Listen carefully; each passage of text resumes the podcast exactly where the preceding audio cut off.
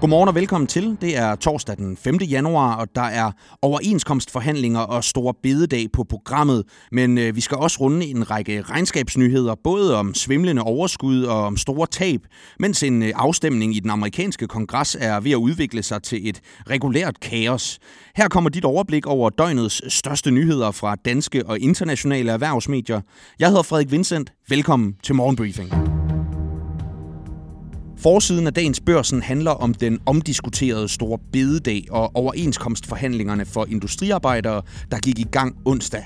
Og her slog forhandlerne fra både arbejdsgiverne og arbejdstagerne fast, at de ikke har tænkt sig at blande stor bededag ind i forhandlingerne. Siden SMV-regeringen foreslog at sløjfe den danske helligdag, så har spørgsmålet ellers været, hvem der skal betale for den tabte løn. Men det bliver altså ikke fra arbejdsgiverne, at svaret kommer, lød det onsdag fra både Dansk Industri, Dansk Metal og Mads Andersen, der er næstformand i Koindustri og formand for 3F's industrigruppe. Det er et politisk spørgsmål, og det er ikke noget, vi forhandler. Der må man rette sin vrede over at miste en fridag mod Folketinget, regeringen og Christiansborg. Ikke mod os, siger han til avisen. Og du kan læse meget mere om overenskomstforhandlingerne i dagens børsen og følge med i udviklingen på borsen.dk. Finansforside historie i dag handler ikke om tabte penge, tværtimod. Her kan du læse, at danske elselskaber kom ud af 2022 med voldsomme overskud på ryggen af energikrisen. Det viser mediets gennemgang af de første regnskaber i kølvandet på energiprisernes himmelflugt efter Ruslands invasion af Ukraine. For eksempel så firdoblede Eurowind Energy, der er en af Europas største opstillere af vedvarende energi, sit hidtidige rekordresultat til 668, 6 millioner kroner, skriver Finans. Men det er altså tvivlsomt, at alle selskaberne er heldige eller dygtige, og det tyder på en fejl i markedet, mener økonomiprofessor ved Aarhus Universitet Philip Skrøder.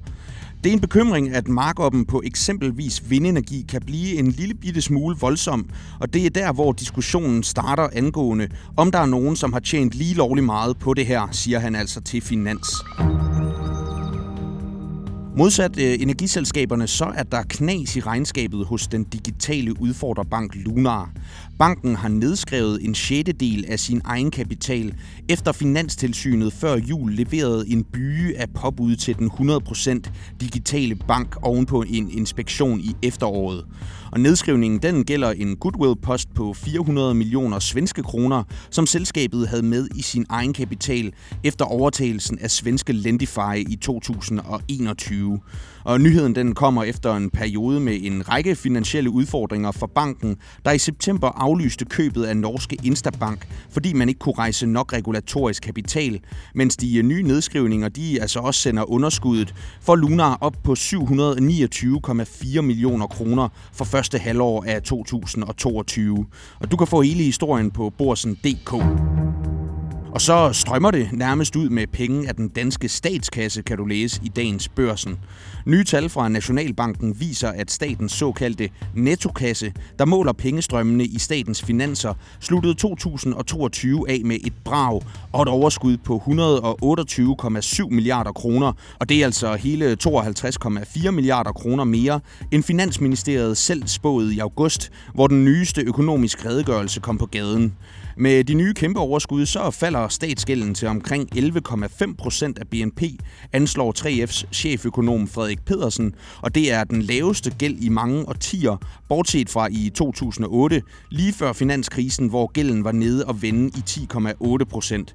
Også under coronapandemien er statsgælden faldet med omkring 180 milliarder kroner, og du kan få resten af detaljerne på borsen.dk. De europæiske priser på naturgas er faldet til sit laveste niveau, siden Ruslands krig mod Ukraine begyndte, skriver erhvervsmediet Bloomberg. Det er mildt vintervejr og flere varmerekorder i Europa, der har sat en dæmper på gasbehovet og dermed tæmmet prisen, som ellers har ligget rekordhøj i løbet af 2022.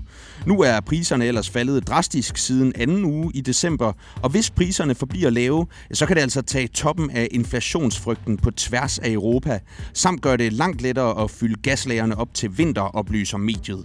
Imens så har produktionen af vindenergi også været uventet høj i samme periode, og og Europa står altså til syvende og sidst med en relativt god sikkerhed i forhold til at undgå gasmangel og strømafbrydelser, som mange eller spekuleret i i løbet af efteråret, står der altså hos Bloomberg.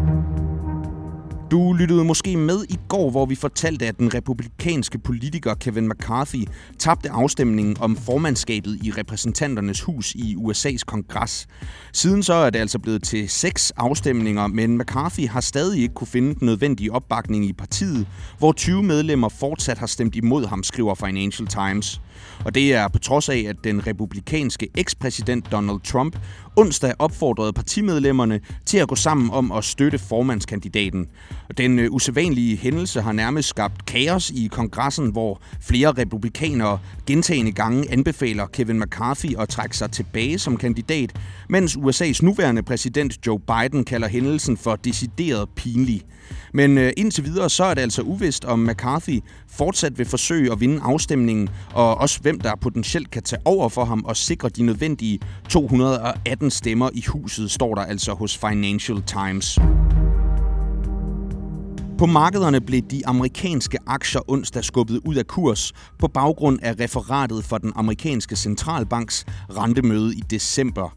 De store aktieindeks stod ellers til markante stigninger, men blev sendt ned igen, da det lød, at centralbanken vil forblive aggressiv med renten for at tæmme inflationen. Det brede S&P 500-indeks det endte alligevel med en stigning på 0,8 procent, dog efter at have været op 1,4 procent tidligere på dagen. Dow Jones-indekset steg med 0,4 procent, mens det teknologitunge Nasdaq vandt 0,7 procent på årets anden handelsdag. Til gengæld så indkasserede det danske C25-indeks onsdag sit første kursfald i 2023, da eliteindekset sluttede dagens handel med at dykke 0,8 procent. Få de seneste aktiekurser og dit investoroverblik på Borsen.dk Investor. Året 2022 blev inflationens år, og året 2023, det kan meget vel blive de realøkonomiske konsekvensers år. Sådan lyder det fra børsens cheføkonom Sten Bokian, der vurderer, at vi i år for alvor kommer til at mærke følgerne af rentestigninger og udhuling af reallønnen. På trods af den tårnhøje inflation, så var der stadig økonomisk fremgang og beskæftigelsesrekorder i flere dele af verden i 2022, men billedet det kan altså se markant anderledes ud i det nuværende år. Og jeg har spurgt Sten Bokian, hvilke konsekvenser det så er, vi kommer til at se man kan sige, at det, der er forventningen i år, ja, det er, at nu begynder vi at se konsekvenserne af de rentestigninger og den øh, øh reallønsudhuling, som der var øh, i 2022. Og det betyder nok lavere boligpriser, det betyder nok lavere forbrug, det betyder nok lavere investeringer, der bliver dyrere at få finansiering, og det vil sige, økonomisk modvind og sandsynligvis også en eller anden grad af økonomisk krise. Hvor slemt det bliver, jamen det må tiden vise, men man kan sige, at 2023 tegner til at blive konsekvensernes år, hvor 2022 måske snarere var inflationens år. Og jeg har også spurgt Sten Bokjan, hvad virkningerne bliver, hvis inflationen ikke kommer under kontrol i år. Skulle det ikke ske, jamen så skal renterne jo betydeligt højere op. Og noget af det, der gør, at der er en risiko for, at det ikke kommer til at ske, jamen det er, at, øh, øh, at mange regeringer i øjeblikket i virkeligheden gør det modsatte af, hvad de burde gøre i en situation med høj inflation. De lemper den økonomiske politik for at give forskellige former for inflations- og energihjælp, det lyder rart. Problemet er bare, at det øger altså risikoen for, at den her krise trækker ud. Og så kan det altså godt blive ret ubehageligt, fordi jamen, så skal renterne måske ikke bare ligge sådan i, i størrelseorden 4-5% i Europa og USA, så skal det måske op i 6-7-8%, og det vil altså godt kunne mærkes på realøkonomien og øh, ganske meget endda. Det sagde børsens cheføkonom Sten Bokjan, og du kan læse hele hans gennemgang af de økonomiske udviklinger i 2022 og 2023 på borsen.dk. Morgenbriefing er færdig for i dag. Tusind tak for, at du lyttede med. Vi er selvfølgelig tilbage med ugens sidste briefing i morgen fredag. Indtil da, så håber jeg, at du får en strålende torsdag.